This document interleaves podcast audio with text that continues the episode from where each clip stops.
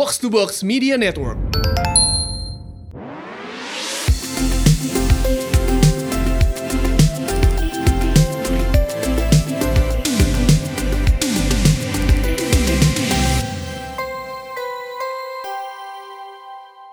Hi everyone, welcome back to She Talks About bareng gue Elrika. dan gue Mandy, Dan hari ini kita kedatangan satu tamu spesial, inspirator kita yang luar Mhm. biasa. Mbak Prisha. Selamat datang di podcast kami. Selamat sore. Elrika, terima kasih banyak. Selamat sore. Thank you sudah diajak ngobrol-ngobrol. Aduh, sama-sama. Thank you juga waktunya. Kita yang terima Dan mau kasih diajak ngobrol sama kita ya. diajak ngobrol. Dan hari ini ladies, cie, ladies kan panggilannya Iya, ya. iya, benar. Karena kita ini podcast untuk perempuan nih Mbak Prisha, khusus untuk wanita-wanita. Dan hari ini kita akan belajar banyak banget karena kebetulan gue dan El akan mengorek tuntas untuk belajar Boleh. dengan Mbak Prisha yaitu seorang mindful living and parenting practitioner. Ini Nah. cocok sekali Buat Ibu Mendy buat. Ibu Mendy yang baru melahirkan Iya, dia baru anak kedua. Mbak Prisha, thank you. Baru enam bulan nih. Uh, Nah, yang menarik adalah ketika El kasih tahu "Eh, kita akan ngobrol nih sama Mbak Prisha, ya kan kita akan ngobrol tentang mindfulness dan em, menurut aku itu satu topik yang menarik banget karena jujur saat ini apalagi dengan pandemik, apalagi kita juga kita selalu ngobrol nih Mbak Prisha, kita udah jadi ibu ya kan.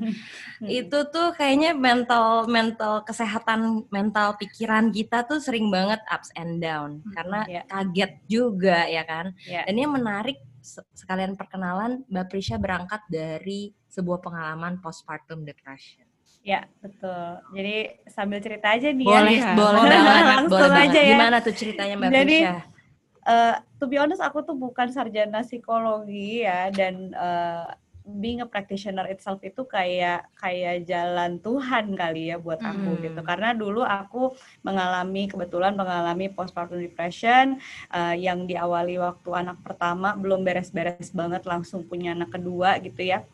Uh, dan akhirnya di situ aku ada turning point lah terjadi sebuah turning point Hmm. di mana aku merasa like I have to know what's wrong gitu apa yang salah ya ini sampai bisa seperti ini gitu dan di situlah momentum pertamanya aku belajar early childhood education dulu terus I started sharing on Instagram aku banyak menulis dengan hashtag Prisha Rights ya terus uh, teman-teman teman-teman online banyak yang minta mbak bikin kelas dong bikin kelas gitu dan Hmm. eh, akhirnya pun eh, along the way akhirnya aku bikin kelas juga yang awalnya namanya Moms Recharge Session tapi kemudian akhirnya namanya jadi Mind Revive Session karena semakin ke sini ternyata peminatnya tidak hanya moms tapi juga eh, general ya gitu. Hmm, ya. banyak yang masih single yang masih kuliah bahkan yang sudah punya cucu eh, seneng banget gitu. Dan aku juga bikin kelas namanya Expressive Journaling jadi Hmm. dua kelas ini seperti me- saling mengisi lah, mereka saling melengkapi satu sama lainnya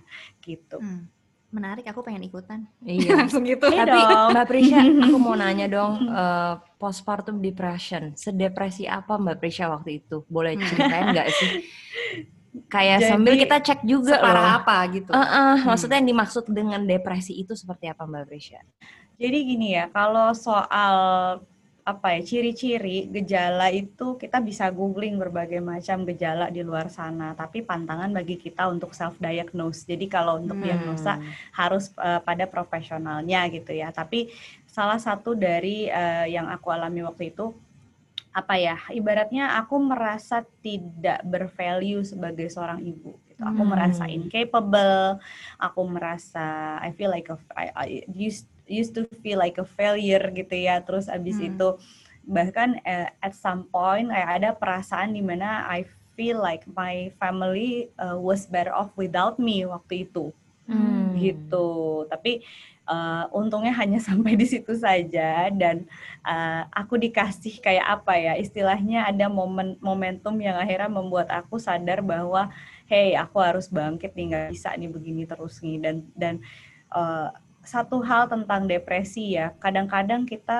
saking itu sudah menjadi sesuatu yang bersifat keseharian jadi kita nggak menyadari kalau itu salah makanya orang kalau depresi kadang tidak menyadari Mm-mm, Hmm. Betul. gitu. Jadi aku sendiri tidak menyadari sampai akhirnya aku bertemu orang yang depresi postpartum juga. Oke. Jadi Hmm. kayak pas Ya, aku ya. tahu dia depresi postpartum terus kayak kok aku merasakan simptom itu ya gitu. Am I depressed gitu kan. Dan barulah Hmm. di situ aku melakukan banyak hal untuk healing healing aku lah. Banyak lah ya ketemu psikolog, terus ikut berbagai macam kelas, mendalami early childhood education, sempat ngajar anak-anak juga gitu. Jadi eh, intinya kita semua kalau udah ketemu pengalaman seperti ini kertas ujiannya nggak akan ada yang sama satu sama lain jadi Mm-mm. it's about you and yourself and your own journey and uh, it depends on you kayak mau ke mana setelah ini dan seberapa kita mau uh, menyelami diri sendiri itu benar-benar tergantung masing-masing banget Hmm, hmm. Tapi symptomsnya itu apa Mbak Prisya kalau boleh tahu? Kayak symptoms Ya, yang kira-kira yang kurang lebih itu. sama. Yang itu Eh, tadi dia feel pengen- itu ya. Oh iya, Pengen- feel, iya. feel- Uh, oke. uh, Itu incapable dari terus awalnya mungkin nggak apa gimana ngerasa dulu terus lama-lama makin kepikiran atau gimana sih mbak kalau kayak gitu? sampai udah nggak kepikiran lagi ya mbak Ya, malah aku cenderung emotionless jadinya Oh gitu, Hmm. udah sampai Jadi kalau ada ya. ada Hmm. orang kayak yang ya apa ya, maybe eh, mungkin rasanya jadi kayak karena udah terlalu terbiasa dengan ketidaknyamanan itu, jadinya Mm-mm. kayak enam, kayak nggak mau Ya. dilihat gitu, kayak nggak mau dirasakan gitu emosinya gitu sih. Nah, Hmm. cuman uh, I- it- aku merasa itu adalah pengalaman yang berharga banget. Kayak akhirnya uh, at some point akhirnya aku bener-bener mensyukuri pengalaman depresi itu karena kalau nggak kayak gitu, aku nggak akan punya cukup uh, tenaga untuk mempelajari mindfulness sampai akhirnya kok lucunya bisa jadi praktisi di malah Iya. ujung-ujungnya jadi praktisi gitu. Mm-mm. Itu itu I feel it's such a blessing for me sih to be able to be here this day dengan keseharian aku yang seperti ini gitu. Hmm. Nah itu prosesnya berapa lama tuh mbak Prisya sampai ketemu mindfulness dan akhirnya istilahnya apa ya tersembuhkan lah gitu. Wah, itu sih never ending journey ya. Hmm. Kalau kata Mbak Diwin Hartono, salah satu praktisi tapas aku pressure teknik ya, salah satu eh, teknik self healing. Self healing itu kan sebenarnya sampai kita dipanggil nanti. Jadi Hmm. kita kita apa kita kan hidup hanya dikasih cobaan baik atau cobaan buruk gitu. Dan di situ setiap cobaan buruk pasti kita diminta untuk bertumbuh ya kan. Dan kita dikasih cobaan baik, kita diminta untuk bersyukur. Sebaik-baiknya orang yang bersyukur adalah orang yang berkontribusi. Jadi pada akhirnya kita kalau mau like eh, benar-benar happy secara utuh ya kita akhirnya harus punya dua hal itu tuh sense of growing sama sense of contribution. Kayak selama Hmm. kita masih minta validasi dari orang lain, selama kita masih ngerasa hidup tuh harus serba certain, harus sesuai dengan Hmm. kontrol diri kita, it will be very hard for us to be totally happy gitu. Yang Hmm, bisa ya. bikin kita bahagia utuh itu kan adalah kita being able to be in the transition kan. Hmm. Masalah belum Ya. selesai, pandemi belum selesai gitu kan ya. Hmm. Nah, di tengah-tengah ini menemukan bahagia. Nah, di situ justru bahagia sesungguhnya tuh ketemu. Hmm. Nah itu yang aku belajar banget pada waktu itu. Kayak Ya. when you when you're talking about self healing ya, nggak bisa dikejar deadline. Aku maunya habis kelas ini, habis ikut teknik ini, besok aku udah harus sembuh.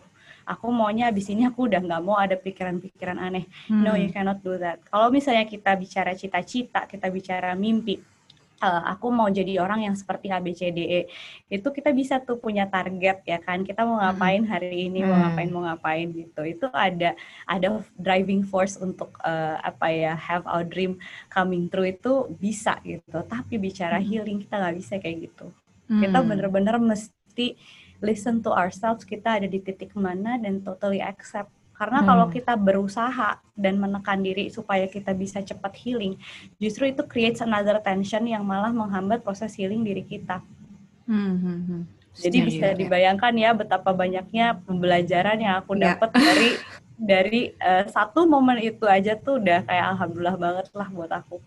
Iya, iya, iya. Tapi kayak selama kita hidup memang itu yang kita selalu cari ya Mbak Prisya ya. Maksudnya bagaimana caranya berdamai dengan diri sendiri ya kan? Gimana caranya bisa apa ya punya rasa kalau kita ngomongnya suka cita ya kalau Iya. misalnya gitu. Iya, iya, iya, iya. Ya, maksudnya kayak Mm-mm, nggak nggak tergantung dengan circumstances tapi kita bisa tetap tenang gitu kan. Iya, Iya. itu inti dari mindfulness. Hmm. Tapi tadi Mbak Prisha cerita kalau misalnya kita depres itu jangan sampai kita self diagnose ya, harus Mm-mm. ada kepakarnya. Nah, ini aku Mm-mm. mau tanya tentang healing. Apakah juga Mm-mm.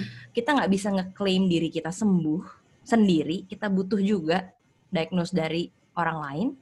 Atau kita bisa Kalau rasa kalau aku- sembuh itu? Kalau aku aku yang merasakan sendiri. Hmm. gitu. Jadi jadi kayak eh ya kalau bisa aja sih sebenarnya kita ke eh, ke profesional tentu bisa gitu ya ngelihat game assessment gitu ya jadinya gimana keadaan aku sekarang.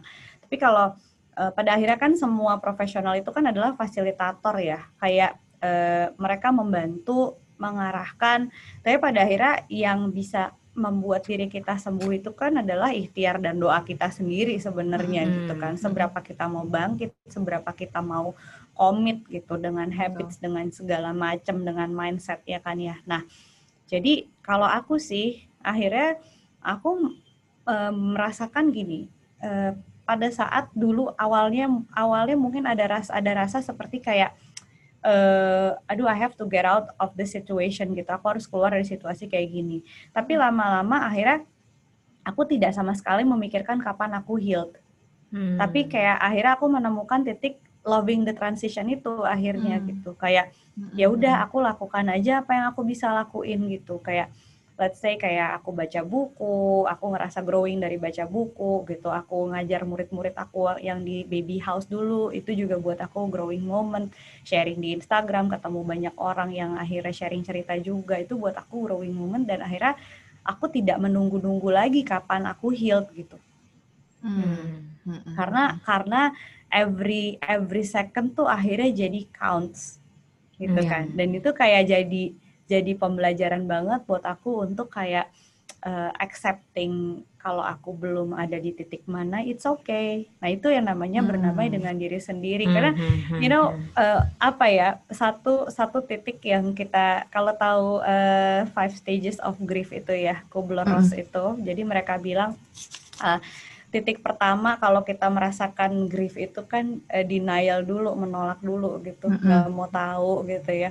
Nah selanjutnya tuh apa-apa apa-apa sampai akhirnya acceptance. Dulu aku ngiranya accept itu paling susah tapi ternyata ternyata setelah dijalanin yang paling paling susah itu justru adalah menghilangkan denialnya itu. Jadi Hmm. kita tuh kadang suka nggak mau ngakuin kalau kita nggak mampu melakukan sesuatu gitu Hmm. atau enggak kita merasa lemah melakukan sesuatu gitu kayak ah gini aja nggak bersyukur Hmm. misalnya terus Mm-mm, kayak mm-mm. masa gini doang aku sedih masa gini doang aku marah lemah banget kamu masa gitu ah, ya, ah, ya. masa kayak masa school from home nggak bisa sih gitu kan ya mm-mm. padahal mungkin kita butuh waktu untuk adaptasi misalnya kan Iya, kita tuh iya. nggak ada transisi sama sekali loh menuju school from home ini kan kayak wah langsung pak pak Iya, pak pak pak tiba-tiba even kayak over the weekend gitu kan cuman kayak Jumat Sabtu Minggu ada keputusan besok school from home udah so. Dan kita merasa harus benar-benar mampu harus bisa menjadi guru anak-anak gitu kayak itu be a while juga untuk bisa memahami bahwa wah ternyata aku tuh butuh adaptasi ya untuk school from home like a month or two gitu. Hmm, hmm, hmm, hmm, baru setelah bisa menerima itu kayak oke I'm being kinder to myself gitu. Oh ya udah kalau imperfection ya udah nggak apa-apa deh. Eh. ini tugas ini tugas itu nggak kelar ya udah nggak apa-apa Hmm, deh misalnya. Ya kadang Gitu. we we push too hard on ourselves gitu ya. Kadang apa ekspektasi kita terlalu tinggi, which kalau misalnya kita nggak achieve, ya itu balik lagi, stres lagi, pikiran lagi gitu. Betul. Iya. Ada Ha-ha. satu exercise ya eh, kak itu jadi aku di salah satu training mindfulness aku kita diminta untuk eh, sikat aku ada satu satu training yang aku lakukan lah gitu.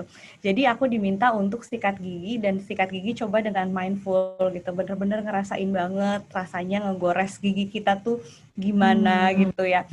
And then I realized that kalau selama ini ternyata how I brush my teeth itu kencang banget Hmm. Kayak gitu loh. Terus dan aku baru menyadari itu saat aku sikat gigi dengan mindful gitu, bener-bener kayak Hmm. ngerasain gitu ya. Kesimpulannya apa? Sometimes we're being so hard on ourselves and we don't even realize it Hmm. Hmm. gitu. Jadi Hmm. sebenarnya kenapa kita perlu mindful adalah karena supaya kita tahu seberapa kita harus uh, nurture diri kita gitu loh. Kapan diri kita perlu didengar, kapan kita perlu be gentle, kapan kita perlu push ourselves uh, further gitu ya. Itu kan mm -hmm. kita bisa kalau kita bersedia mendengarkan and validate our feelings dulu gitu without judgment, without denial. Nah, okay. itu. Nah, kalau misalnya along the journey itu, Mbak kalau mindfulness ya, kira-kira itu ada pilar-pilar khusus nggak sih yang kita harus gimana ya? Kayak tadi Mbak bilang, um, mendengarkan diri sendiri gitu. Misalnya apakah kita harus mempunyai me time misalnya dua kali seminggu misalnya hmm. atau harus melakukan apa resepnya gitu hmm, ya meditasi Kayak, uh, ya ya uh, kalau kalau dari uh, resepnya John Kabat-Zinn, John Kabat-Zinn itu salah satu yang mempopulerkan mindfulness ke Western ya gitu. Jadi dia dia benar-benar yang science based lah jatuhnya. Okay. Jadi uh, mindfulness exercise itu bisa dilakukan dengan uh, meditasi body scan, hmm. gitu meditasi body scan. Jadi kita ngerasain uh, awareness to the eyes, to the nose, to the lips, gitu kan. Tapi uh, durasinya ada macam-macam tuh. Ada yang cuma lima menit, ada yang cuma 10 menit, ada yang sampai 45 menit.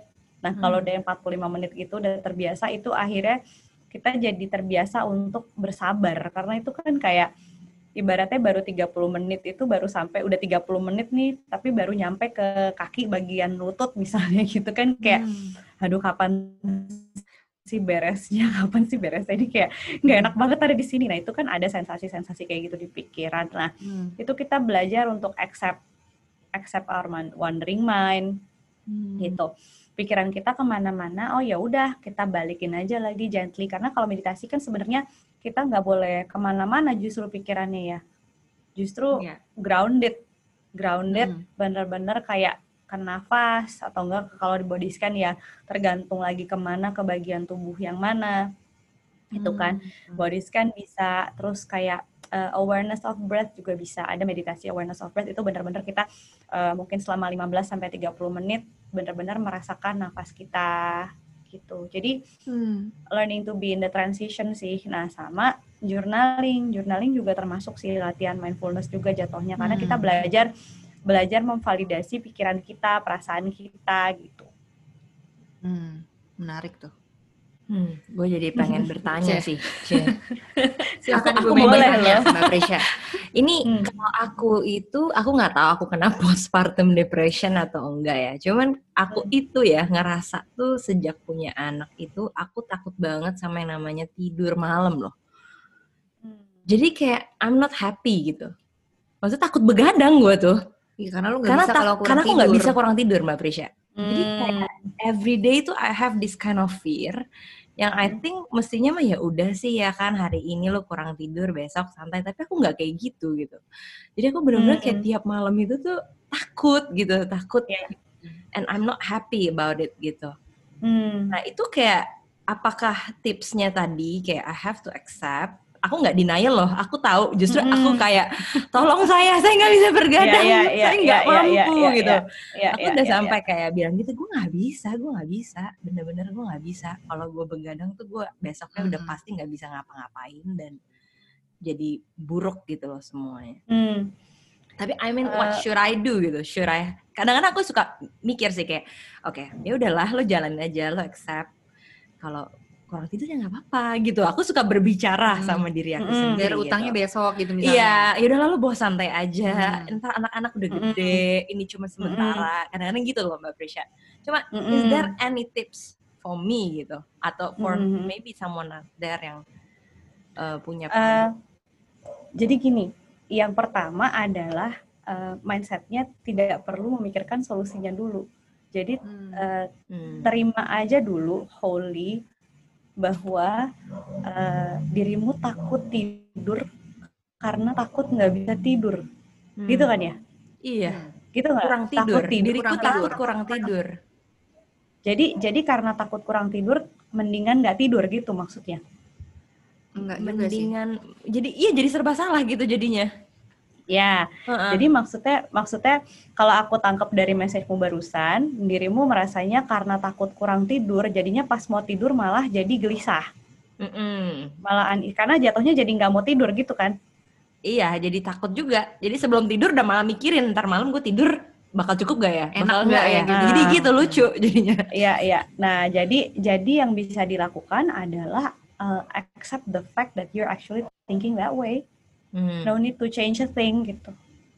Jadi kalau dari mindfulness justru kita uh, pada saat kita menyadari bahwa misalnya pas mau tidur nih gitu, terus uh, Mandy ngerasa kayak, aduh, gue takut deh mau tidur gitu ya, gue takut tar malam kalau bangun, kalau bagaimana, kalau bagaimana. Nah di situ nurture yourself dulu tuh kayak, oke, okay, uh, like kamu sekarang lagi takut uh, tidur karena kamu takut nanti malam bangun, ya it's okay. You don't need to change a thing. Hmm. It is yourself right now. Everything you need is already here. Gitu. Hmm. You just need to nurture yourself. Apa pun yang uh, dipikirkan. Hmm. Gitu. Jadi kayak kita kalau dari mindfulness kita terima dulu nih gitu. Hmm. Hmm. Karena yang sulit adalah pada saat kita masih melarang diri kita untuk berpikir demikian. Masa lo gitu gimana sih lo? Lo mau Hmm. tidur apa Hmm. enggak sih gitu Hmm. kan? Iya iya. Nah, Atau lo kok gak jaga anak sih gitu ya? Kok lo Nah, ngerasa iya, beban jadi sih? ke mana-mana gitu. tuh Iya, kan iya. mikirnya Hmm. kan akhirnya gitu. Dan Hmm. journaling about it might actually help karena journaling itu uh, membantu uh, otak kanan sama otak kiri untuk bersinergi. Nah, Jadi kalau Iya, iya, kalau kalau journaling itu kalau misalnya kita emosi ini mikirin sesuatu ya, itu kan kita uh, dari otak kanan ya. hmm. Hmm. Kalau kita emosional tuh di otak Mm-mm. kanan. Nah, di otak kanan itu masalahnya ada imajinasi dan ekspresi. Jadi bayangin dong, kita udah mikirin nggak bisa tidur, terus ada imajinasi. Jadi mikirnya ke mana-mana kan. Ntar gimana Mm-mm. dong gue ini, ntar gue nggak bisa ngurus anak. Aduh gue nggak becus jadi ibu, lalala, lalala, lalala gitu kan. Ditambah lagi ekspresi. Nah nggak tahu deh tuh ntar ekspresinya bisa gimana tuh. Manifestasinya dari situ. gila kayak Iya gini ya. kan gitu Apakah ke suami ya kan? Atau Iya, iya, iya, diri sendiri ya kan? Jadi jadi macan jadi- Mandy, Mandy jadi ah gitu. Jadi macem-macem gitu kan. Nah makanya kita journaling supaya kita eh, pas kita tuangkan dalam bahasa Hmm. di situ ntar ketemu tuh logic and reasoning. Karena di otak kiri ada Mm-mm. logic and reasoning. Hmm. gitu. Jadi when when you feel that way might as well bisa kayak eh, ceritain aja apa yang dirasain Kayak tulis Ceritain apa diary gitu ya, dirasain. Mbak Prisya. Ah, kayak kayak ah kurang lebih itu sebenarnya mirip-mirip sih cuman kalau journaling itu lebih bahasa Isi lebih hati kerennya gitu. kali ya gitu Bas dan dia lebih konstruktif lebih kayak eh, Hmm. apa ya kita mengambil manfaat sebanyak-banyaknya lah gitu jadi ada Hmm. cara-caranya Hmm. Tuh. Hmm. Nah, atau meditasi. Meditasi bisa uh, compassion apa compassion and kindness, loving kindness meditation kayak belajar lebih mencintai diri sendiri. May you be safe, may you be healthy. Jadi kita kayak nggak selalu serta merta harus ngejudge gitu gimana keadaannya kayak Hmm. tapi kita ya udah pokoknya sebelum eh, any kind of circumstances kita sayang aja dulu nih sama diri kita gitu kan sebenarnya self love kan comes first ya kayak Mm-mm. no matter how uh, achieving we are or unachieving we are ya pada akhirnya diri kita tetap tetap berharga gitu kan tetap Iya. lovable gitu Mm-mm. cuman banyak yang banyak yang merasa bahwa uh, kemampuan worthiness itu uh, kemampuan dan worthiness itu kayak ada di satu ember yang sama gitu Hmm. Iya gak sih Iya, iya. aku kena Mm-mm. banget sama uh, Mas Reza Gunawan pernah ngomong sama aku kayak worthiness sama kemampuan tuh sebenarnya nggak main bareng Hmm. beda geng gitu Hmm. kita aja yang mau mereka main bareng Iya iya benar sih. Jadi Gitu. kamu harus mencintai diri. Kamu cinta diri kamu nggak Mandy? aku harus dong mencintai. Aku harus. kamu aku cinta loh tapi tadi aja Mbak Prisya ngomong begitu tuh menenangkan hati Iya benar dapat ilmu lagi dapat ilmu lagi dapat ilmu tapi ini aku punya pertanyaan lagi nih Mbak Prisya jujur sebagai manusia ya kadang kita naik kadang kita turun secara mood Mm-mm. secara namanya kita Mm-mm. manusia bukan robot ya kita Oh, punya iyalah. emotion emotional lah kita ya kan Hmm. Nah, bagaimana caranya Mbak Prisya menjaga setiap harinya itu selalu berada di dalam koridor yang sama lah. Maksudnya Hmm. nggak jomplang gitu ya. menstabilkan. Ya, especially Iya, especially you're a mom. Nah, ya Iya, kan? iya, iya, iya, iya. Untuk iya, iya. pria mungkin I don't know uh, masalahnya nggak sekompleks kita Kalau sebagai wanita, wanita. Harus serba Iya, bisa iya. Tapi gitu. kalau ya. wanita Iya. itu kadang masalah mbak bikin kesel, Mm-mm, masalah iya, anak benar, bikin benar. stres, kayaknya beras terlalu abis, dynamic. beras abis. beras habis. Iya benar. Terus suami nggak ngebantuin kesel gue. Bu, Ini galon di rumah habis. Iya kayak tadi, bu tolong gas abis. Aduh, aduh, aduh, aduh, aduh, tuh kayak aduh, ya kan. kayak for Paham, paham, mindfulness, paham, ya mbak Prisha. Untuk mindful tuh for one thing, itu tuh, aduh. Ya, ya, Yang ya. waktunya itu loh. Ya, waktunya ya. juga. Hmm. Jadi satu hal tentang belajar mindfulness ya, eh, jangan pernah dikasih deadline itu sih yang tadi aku bilang. Jangan merasa kayak, oh iya kemarin aku bisa ikut kelasnya Raden Prisha, terus besoknya kayak "Ya udah gue nggak pernah marah lagi seumur hidup. Ya nggak gitu juga gitu. Kayak eh, kita tuh pada akhirnya kan kita berproses ya. Dan kalau katanya Ray Dalio, kita tuh kalau berproses tuh tidak linear dari bawah miring ke atas tapi justru kita naik dulu, mundur lagi ke belakang, turun dulu, baru di situ Hmm. kita bisa naik lagi gitu. Jadi kita kayak selalu ketemu kalau kita mau grow naik ke naik level, naik level ke, ke naik level berikutnya, pasti kita harus ketemu dulu sama kegagalan, obstacle atau eh, kesulitan yang akhirnya kita beresin, baru deh kita naik ke level berikutnya gitu. Nah, bicara belajar mindfulness as a mom, to be honest aku sendiri juga bukan yang nggak pernah marah gitu. Maksudnya gini ya kalau kita bicara mindfulness bukan berarti kita kayak jadi kayak this lifeless unemotional blob of thing gitu loh yang kayak nggak ada perasaan sama sekali. Of course not. Tapi kita lebih kenal sama simptom-simptom diri kita. Kita lebih kenal tanda-tandanya gitu. Kayak misalnya gini eh, ibaratnya ya dulu mungkin aku biasa marah-marah itu seminggu sekali misalnya atau jangan minggu sekali deh setiap hari misalnya Hmm. anggaplah setelah belajar eh, mindfulness exercises atau nulis jurnal akhirnya jadi dua hari sekali yaitu of course kan progress ya Hmm. kadang kita suka maunya tuh langsung selesai langsung eh, nggak pernah marah gitu. Terus abis itu down langsung kayak aduh gue kayak nggak bakal bisa deh eh, mindfulness gitu kan ya. Nggak gitu gitu. Jadi kita kita ya pertama itu nurture ourselves dulu menyadari kalau belajar itu butuh proses dan kertas ujian kita sama orang lain nggak ada yang sama. Apa yang kita alami sampai bisa seperti ini sama orang lain itu nggak sama ya kan? Yang penting kita udah eh, belajar lebih mengerti diri kita. Jadi justru eh, kalau kita mau bicara hidup berkesadaran itu justru kita nggak nggak nggak ambisius ya nggak ambisius nggak boleh marah gitu. Aku nggak boleh marah aku nggak boleh nggak akan bisa kayak gitu. Tapi justru kita mengenal mengenal diri kita gitu. Kayak misalnya aku ya oh Prisha. Prisha itu ternyata harus journaling hampir setiap hari. Hmm. kalau nggak journaling pagi dia udahannya udah deh kayak pikirannya ke mana-mana mencar-mencar. Hmm. gitu. Jadi aku aku tuh sekarang kalau journaling harus setiap hari, setiap pagi sebelum anak-anak bangun, aku either aku harus meditasi atau journaling gitu. Habis aku sholat, aku meditasi atau journaling gitu ya. Nah itu kan habit ya, ditemukannya dari habit. Kayak trial and error. Kalau nonton startup kayak IA-nya, kayak iya kayak kayak IA-nya kan gitu. Kita coba-coba nih, bisa nggak nih kalau journaling pagi ini apa ya yang dirasakan pada saat siangnya gitu. Would it be working? Apa ya? Apa, apakah it works for you apa enggak gitu. Terus kayak misalnya kita tiba-tiba kelepasan nih, anak tantrum kita ikutan tantrum misalnya Hmm. itu jangan jadi sesuatu yang langsung membuat diri kita merasa aduh gua nggak becus banget jadi Hmm. ibu gagal. Wah pokoknya every judgment langsung keluar Hmm, gitu. hmm. justru di situ kita menghargai diri kita yang sedang berproses. Oke you're now having this process. Sekarang kita kenali nih pada saat tadi kamu marah apa tanda-tandanya? Apakah mungkin dadanya kerasa tiba-tiba sesek misalnya? Atau tiba-tiba kepala kamu kerasa kencang banget misalnya jadi kita sadari tuh simptom-simptom kayak gitu. Hmm. Kadang-kadang kita kalau ngambil simptom dari, maksudnya gini ya, kita kan kalau mau marah atau mau meledak itu kan harus take a pause, terus habis itu kita melipir dulu deh gitu ibaratnya ya. Kalau kata John Ka- Kabat-Zinn metodenya namanya stop. Stop itu S-nya stop, T-nya itu take a breath, nafas, habis itu o- observe with natural awareness apa yang dirasakan aduh gue sebel banget nih sama si mbak bukannya beli beras sendiri sih gimana sih nungguin gue mulu kalau mau beli beras misalnya gitu ya Nah, habis itu baru deh kita proceed to what's next. Jadi kita dengerin dulu, nafas dulu, ya gue sebel banget, gue sebel banget, tapi gue perlu marah nggak ya?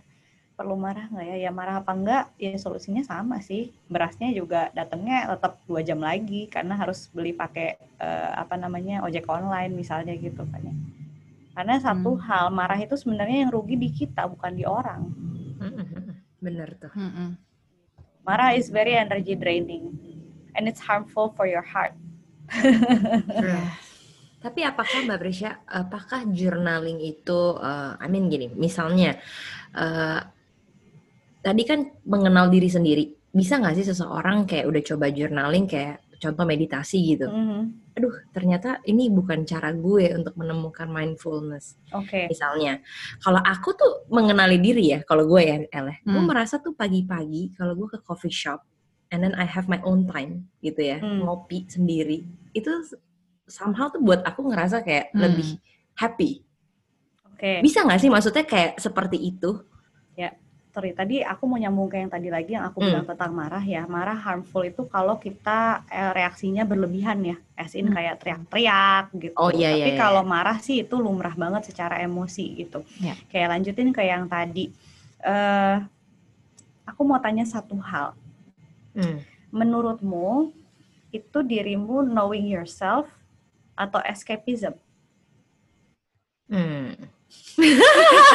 Pertanyaan yang berat. Hanya Mendy yang bisa Gimana maksudnya bedanya apa itu Mbak ya, Prisha? kamu escape dari just mungkin, escape gitu. Knowing yourself. Escape. Knowing yourself itu jadi nah, coba. Jadi gini, yang yang uh, bicara mindfulness kan kita topiknya lagi mindfulness iya, gitu. Iya, iya, iya. Gitu.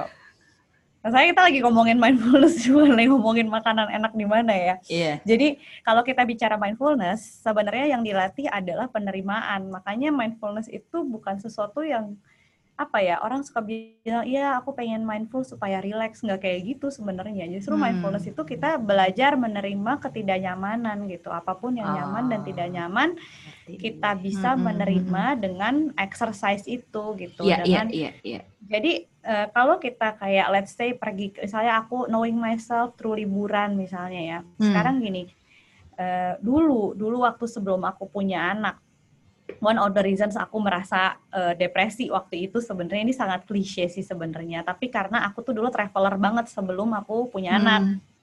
Jalan-jalan sama dong kamu sama, sama dong sama, rasanya ya. Iya. Sama rasanya ya gitu merasa kan. dikurung. Iya kak. Iya iya benar kayak aduh duh gitu. Mestinya lagi iya, ngapain bener, gitu kan. Nah hmm. terus uh, akhirnya pokoknya justru kenapa aku bisa find out waktu itu aku depres itu salah satunya adalah akhirnya suamiku mengizinkan aku pergi sendiri tanpa tanpa anak dan hmm. tanpa dia. Gitu tuh kayak dia kayak ya ya bagaimana rasanya mungkin senang. Nggak maksudnya it's like a terapi sih buat aku karena Tapi aku memerlukan. huh? Are you happy? Nah, tapi gue happy, tapi ya tetap aja situ, namanya ibu kan. Nah, akhirnya hmm. tapi pada saat aku kembali lagi ke rumah uh, dan Balik aku lagi. merasa lebih baik, tapi perasaan itu kembali lagi. Makanya di situ aku ngerasa kayak oh jadi apa ya yang perlu diperbaiki gitu. Ah, iya, nah, iya, balik lagi iya. kedua prinsip yang tadi ada growth and contribution kan. Jadi sebenarnya kenapa kita senang traveling, kenapa kita senang pergi ke mana-mana, sebenarnya in a way itu kita merasa inspired kalau keluar kan ya. Betul. Kita merasa enlightened dan itu Betul. kan part of growing sebenarnya kan. Hmm, hmm, hmm. Nah, jadi yang bisa dilakukan adalah kayak sekarang kita nggak bisa keluar nih nggak bisa ngerasa nggak bisa ngelihat macem-macem di luar. Nah ya udah kita switch aja uh, mindset bertumbuhnya yang dulu mungkin harus keluar. Nah sekarang apa yang bisa kita bikin sarana bertumbuh dari dalam rumah? Hmm. itu itu satu. Dan dari sisi kalau dari sisi acceptance-nya adalah uh, kita akhirnya apa ya memang untuk untuk being mindful itu perlu kemauan dulu ya dari kita ya are we willing to accept this or not apakah kita mau uh, menerima kondisi yang tidak nyaman ini apa enggak kalau kita sudah mau baru deh kita bisa belajar tuh mindfulness hmm. exercises hmm. Hmm. kalau dari diri kitanya merasa kayak aduh gue sih nggak bisa deh kayak gitu ya pasti pada akhirnya yeah, yeah. memang mm -mm. Uh, uh, gitu. ngerti ngerti mindsetnya juga harus benar dulu ya Nah, yang bisa tapi yang bisa aku sampaikan adalah kenapa aku bisa belajar mindfulness dulu kan because I have no choice I I'm this depressed uh, woman with Mm-mm. two kids gitu loh kayak Iya. ya udah what what else can I do gitu selain Mm-mm. belajar mindfulness Mm-mm. waktu itu Mm-mm. dan ternyata buat aku itu sangat-sangat worthy Hmm. gitu. kayak eh, bukan berarti aku tidak pernah marah bukan berarti aku nggak pernah snap gitu ya sebagai manusia tapi eh, it's much easier for me to find happiness akhirnya Iya, iya, iya. Ngerti, ngerti. Jadi maksudnya Mbak Prisha mungkin kayaknya escape deh gue. Lu escape deh kayaknya kalau gue bilang. Enggak, soalnya bener-bener. Soalnya kayak bener temen aku juga suka gitu tuh dulu. Aduh gue penat nih butuh liburan ya kan. Kayaknya bakal ini. Tapi pas udah liburan, pas pulang balik lagi. Balik lagi ya. Ini, jadi kan bukannya nggak boleh liburan ya boleh loh yang ngerti. iya, kan? iya. Maksudnya Mbak Prisha itu mindful tuh harus belajar kayak di mana pun lo berada, ya lo bisa menemukan ya ketenangan itu. it. Ya nggak sih? Kayak nggak, ya balik lagi nggak tergantung kondisi luar. Iya. Harus within you dulu. Iya, benar, benar, Heeh. benar. Nah, ini yang menarik nih, menarik. Mbak Prisha, Hmm. ini dengan era digital sekarang ya. I mean social media, ya kan? Hmm. Hmm. Eh, untuk being mindful, ya kan? Gila, kita makan aja kadang-kadang sambil browsing, sambil ngeliat, ya kan? Terus udah gitu kita nonton sambil pegang HP. Dan itu sampai sampai yang aku ngerasain gitu, ngomong sama suami juga kan. Eh, lu ngerasa nggak sih? Sekarang nih kita susah banget fokus Hmm. karena kayak you know nggak bisa itu yang namanya statis atau ya tadi meditasi yang kayak tadi atau ya udah tenang aja nggak usah pakai HP ya fine fine aja gitu kan. Kita enjoy lihat kiri kanan lihat anak kita bahkan main sama anak kita aja harus mindful kali ya sekarang. Mm-mm. kadang-kadang kita yang kayak aduh cepet deh pengen lihat HP gue Iya, iya. gitu kan. Lihat notif. How? Apakah kita harus seperti apa nih dengan era digital kayak sekarang nih? Em, kalau dari aku ngelihatnya memang agak menantang sekali ya karena kan kita sering kali pengennya sebenarnya sama anak main. Aku aku nih merasakan banget ya. Kan aku kebetulan sekolah anakku tuh tidak tidak banyak online ya. Jadi kita orang tua dikasih lesson plan terus orang tua ngajarin gitu. Oh, Hmm. dan itu sebenarnya aku sebel banget kenapa di kala itu aku harus ngevideoin anak aku gitu. Karena aku merasa kan harus dikirim ke gurunya kan. Hmm. Pada saat kegiatan main Hmm, itu. iya. Dan aku Iya. justru merasa kayak ya ampun harus banget dikirim ke ibu guru videonya ya karena I wanna enjoy this time without my cell phone sebenarnya gitu. Hmm. Tapi di kala kita tidak mau pun banyak hal yang mengharuskan kita untuk memegang HP kerjaan apa pun itu Iya, benar. beli belanja dan lain-lain jadi Mm, mm, mm. the least that I can do adalah take some time for myself dengan itu dengan meditasi kalau dari aku Hmm. jadi at least kayak eh, apa ya? At least kalau misalnya kita udah memprioritaskan untuk hening dulu di pagi hari, untuk benar-benar kayak eh, apa ya? Grounding dulu lah ya di pagi hari. Jadinya kita lebih put together gitu along the day. Mungkin aku sih dulu kayak dulu aku sempet ada yang masa kayak oh kalau mindful tuh harus sekian jam sehari megang handphone. Tapi sekarang sih nggak, aku nggak terlalu mikir begitu ya Hmm. karena needs kita berbeda-beda. Iya loh, Banyak orang yang kerja dengan handphone Exactly, harus harus benar. WFH harus segala macam gitu. Bukan berarti dia 8 jam sehari depan komputer tidak mindful. gitu. Iya, iya, Terus kerjanya gimana ya Iya, iya. sih? Iya, Emang nih iya. kadang-kadang Iya manusia kan? kompleks tau gak sih? Oke, gue happy jujur ya. Misalnya kayak Iya. browsing nih HP. Seneng ya ini my me time nih, tapi ada pikiran lagi gitu. Eh gila loh, screen time Iya. lo naik. Lo ini jadinya ada di dua. Nah, kadang tuh Blaming kadang kita yourself. tuh being too judgmental over ourselves gitu Iya, kan. Dan bener. padahal kalau kita mau merubah habit ya, kalaupun itu terasa kurang baik, ya udah kita nggak perlu judgmental ke diri kita. Simply kayak notice aja gitu. Oh, udah Hmm. mulai nggak enak ya kepala, tangan kok pegel ya. Gitu. Mm, mm, Terus kayak mm. Ini kayaknya udah mesti dikurangin nih. Des. Gitu udah, loh, men. tapi nggak perlu yang kayak, Lu gak usah gitu, men. aduh gua tuh pecandu. Lu belajar ini tau Ikut kelasnya. gue sangat butuh belajar ini. Karena benar berarti berarti benar Mbak Prisha. Suamiku tuh suka bilang lu tuh ribet. lu tuh manusia kompleks kata dia. Tapi sayang kan. iya nggak maksudnya bener gue Eh, kompleks. eh, eh. Mau happy. Iya, iya, iya, iya. HP, tapi jadi lu pokoknya jangan kebanyakan mikir. Ya udah. Ya. Gue gue cukup lo sekarang punya aduh. Iya tadi kan udah ngomongin banyak tuh kayak mindfulness itu hmm. kita juga belajar untuk mengenali diri dari meditasi ya kan? Dari jurnalisme hmm. juga.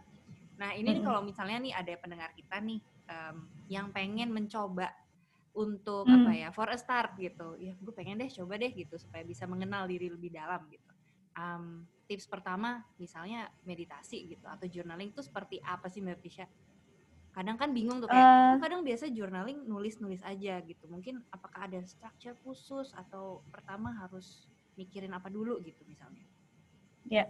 Jadi sebenarnya gini ya, aku kasih kasih aku connect the dots dulu nih antara mindfulness dan meditasi. Kenapa dan mengenal diri ya? Kenapa mengenal diri itu bisa datang lewat uh, meditasi misalnya karena pada saat kita meditasi itu kan kita mengistirahat sebenarnya bahasa saintifiknya mengistirahatkan otak gitu jadi the kind of meditasi I'm talking about itu it doesn't refer to any religion atau any belief ya gitu. Jadi karena sebenarnya meditasi itu memang sudah terbukti secara saintifik uh, bisa uh, membantu mensinergikan empat bagian otak kita gitu. Jadi intinya di bagian otak kita tuh ada empat bagian dengan fungsi masing-masing dan kalau dia kita sering meditasi dia bisa membantu untuk lebih sinkron lah kerjanya si empat ini gitu. Nah yang pertama itu jadi kan beneficial buat kesehatan kita sebenarnya. Hmm. Nah, yang kedua adalah kita jadi lebih uh, slow down. Nah, kalau kita bisa lebih slow down, itu kita somehow lebih uh, conscious dengan pilihan-pilihan kita. Hmm. Hmm. Jadi mindfulness gives you choices sebenarnya. It gives you conscious choices whether you need to be angry or whether you need to speak out that you're actually very sad Iya kan? Kadang kita nggak bisa bedain kita marah apa kita sebenarnya sakit hati banget. Pokoknya tahu-tahu mencak-mencak aja. But actually eh, yang perlu kita sampaikan adalah aku nih sebenarnya sakit hati banget. I feel left out, I feel hurt dan lain-lain. Tapi yang kelihatan cuma marahnya doang misalnya. Mm-hmm. Gitu.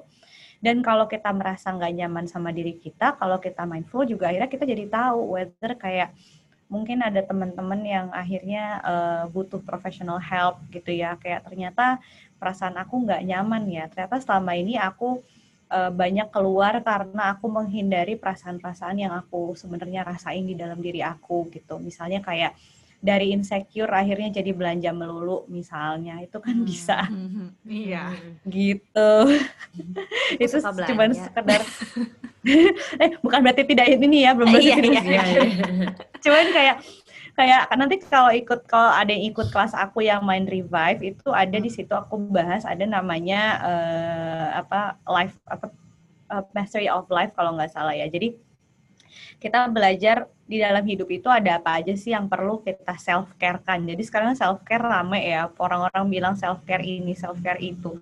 Nah sebenarnya kalau dari uh, apa namanya di kelas MRS aku itu dikasih tahu sebenarnya self care itu tidak hanya mental loh, nggak cuma tentang meditasi atau journaling, tapi juga your physical body, gimana dirimu punya relationship sama orang banyak, gitu. Mm-hmm. Maintaining relationship kan juga salah satu bentuk self care ya. Mm-hmm. Yeah. Gitu kan. Terus deh gitu kayak uh, gimana kita menangani keuangan kita, kita udah punya purpose hidup atau belum, punya misi hidup atau enggak. Itu kan jadinya kayak satu kesatuan gitu. Nah, di situlah kita bisa uh, tambah kenal sama diri kita. Nah, kalau kita mindful, akhirnya segmen-segmen itu tuh bisa bisa kita dalami kita akhirnya punya waktu untuk mendalami what truly matters. Hmm. Gitu. Iya, iya, iya. Oke, okay. wow, bagus sekali ya. Mandy, Mandy terinspirasi, Mandy. Iya, benar-benar. Iya. Oke, kena banget nih Mandy. aduh, aduh. Eh, kalau mau eh, mulai meditasi, uh, gimana tuh? Bisa pakai aplikasi Headspace.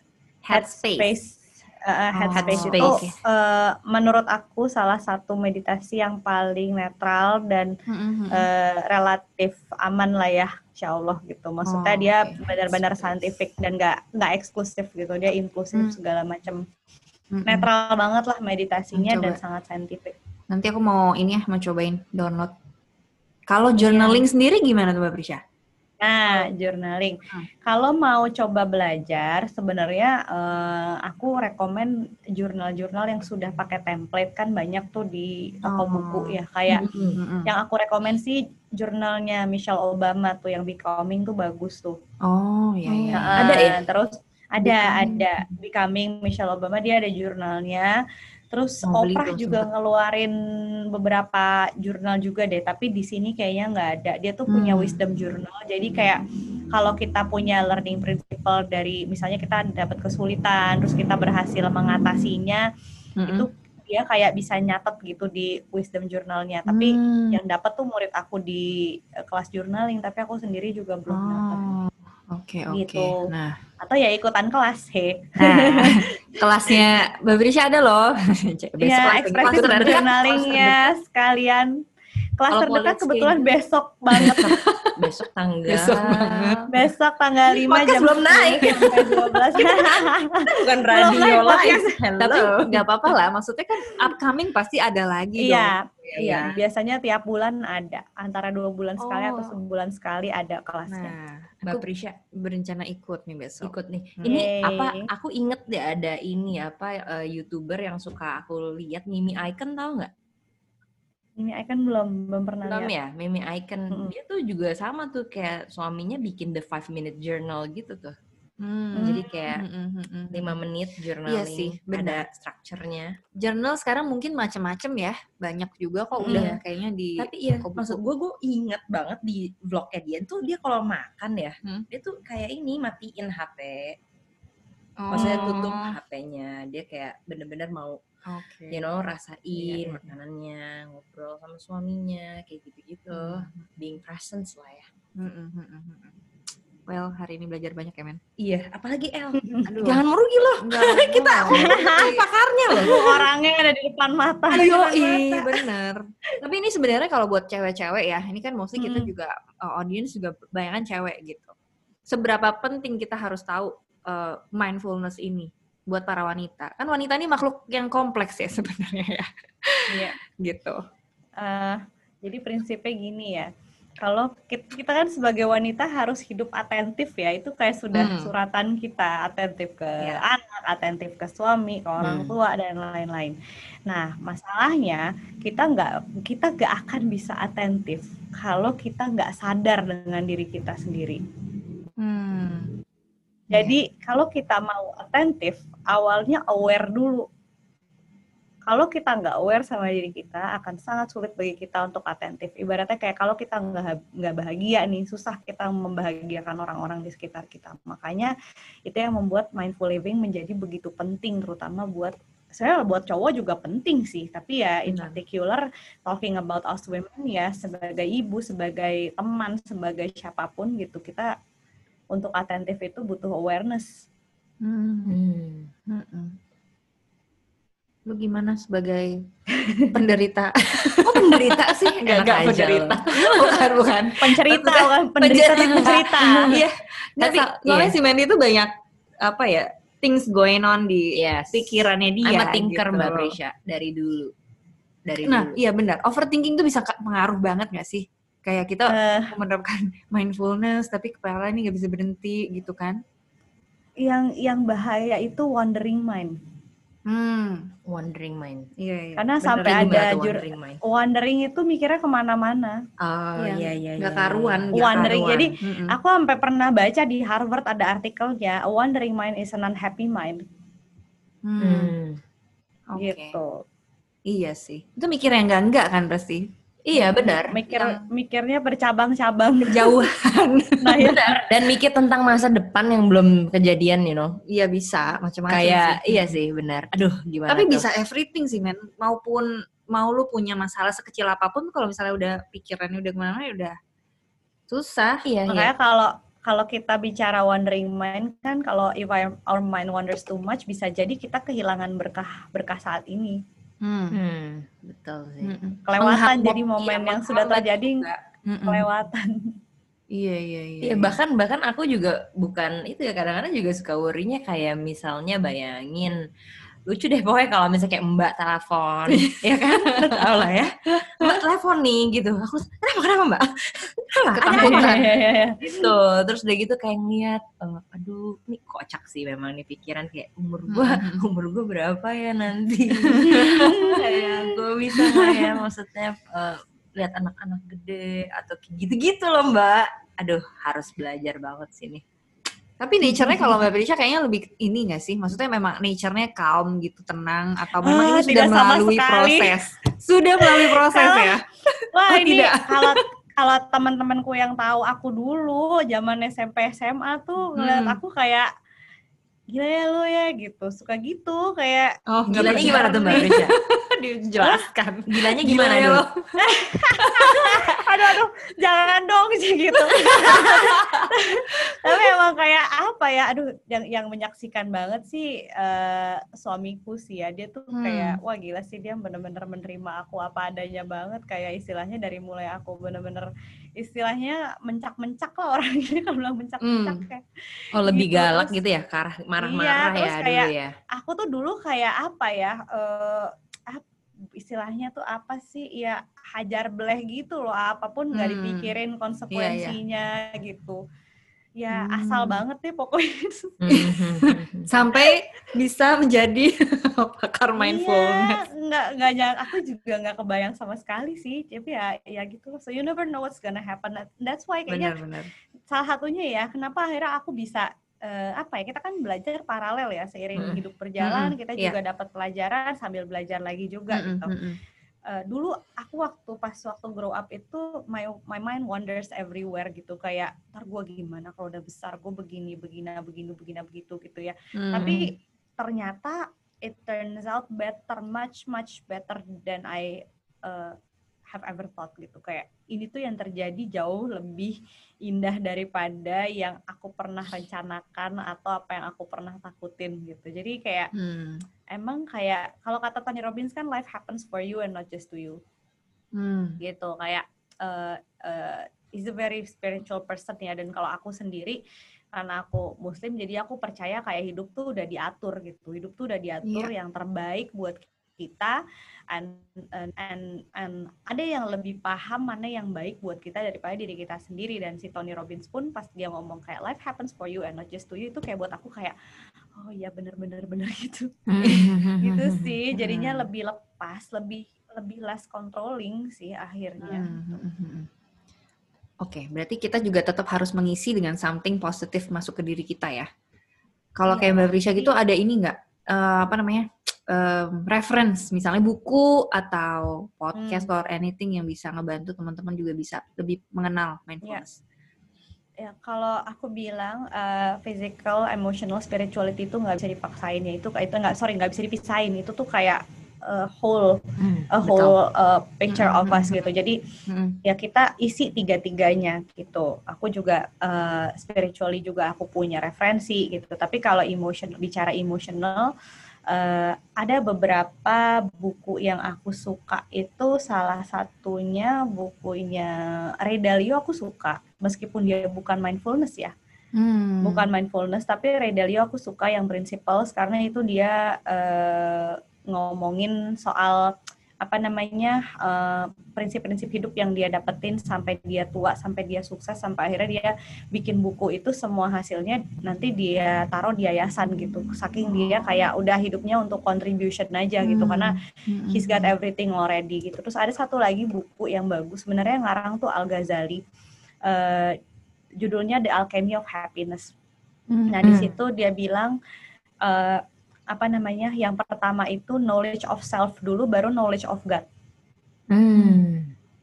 Jadi Hmm. justru kita harus kenal dulu siapa diri kita, knowing ourselves fully, truthfully, baru akhirnya kita bisa kenal eh, apa namanya our creator dan di situlah baru akhirnya dua lagi aku agak lupa eh, urutannya ya. Cuman ya Hmm, hmm, hmm. di situ kayak nunjukin betapa knowledge of self itu penting banget Ya, ya, gitu. ya. Sama ini sih bukunya eh, Dan Siegel, John Kabat-Zinn juga bagus-bagus.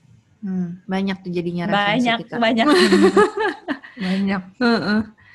Well, nanti coba ya kita browse. ada Kayaknya- bukunya ini dulu gue The Happiness Project juga tuh Belum dulu pernah baca malah tuh. Gra- Siapa yang Gretchen Gretchen Rubin ya kalau nggak salah The Happiness Project Hmm. jadi ada ada bulan ini dia ngapain kayak bisa bersih bersihin barang ya kayak modelnya itulah Apa tuh? Siapa yang orang Jepang? Marie Kondo. iya Marie Kondo. Oh, oke. Oh. Hidung ini. Itu juga termasuk mindfulness gak sih?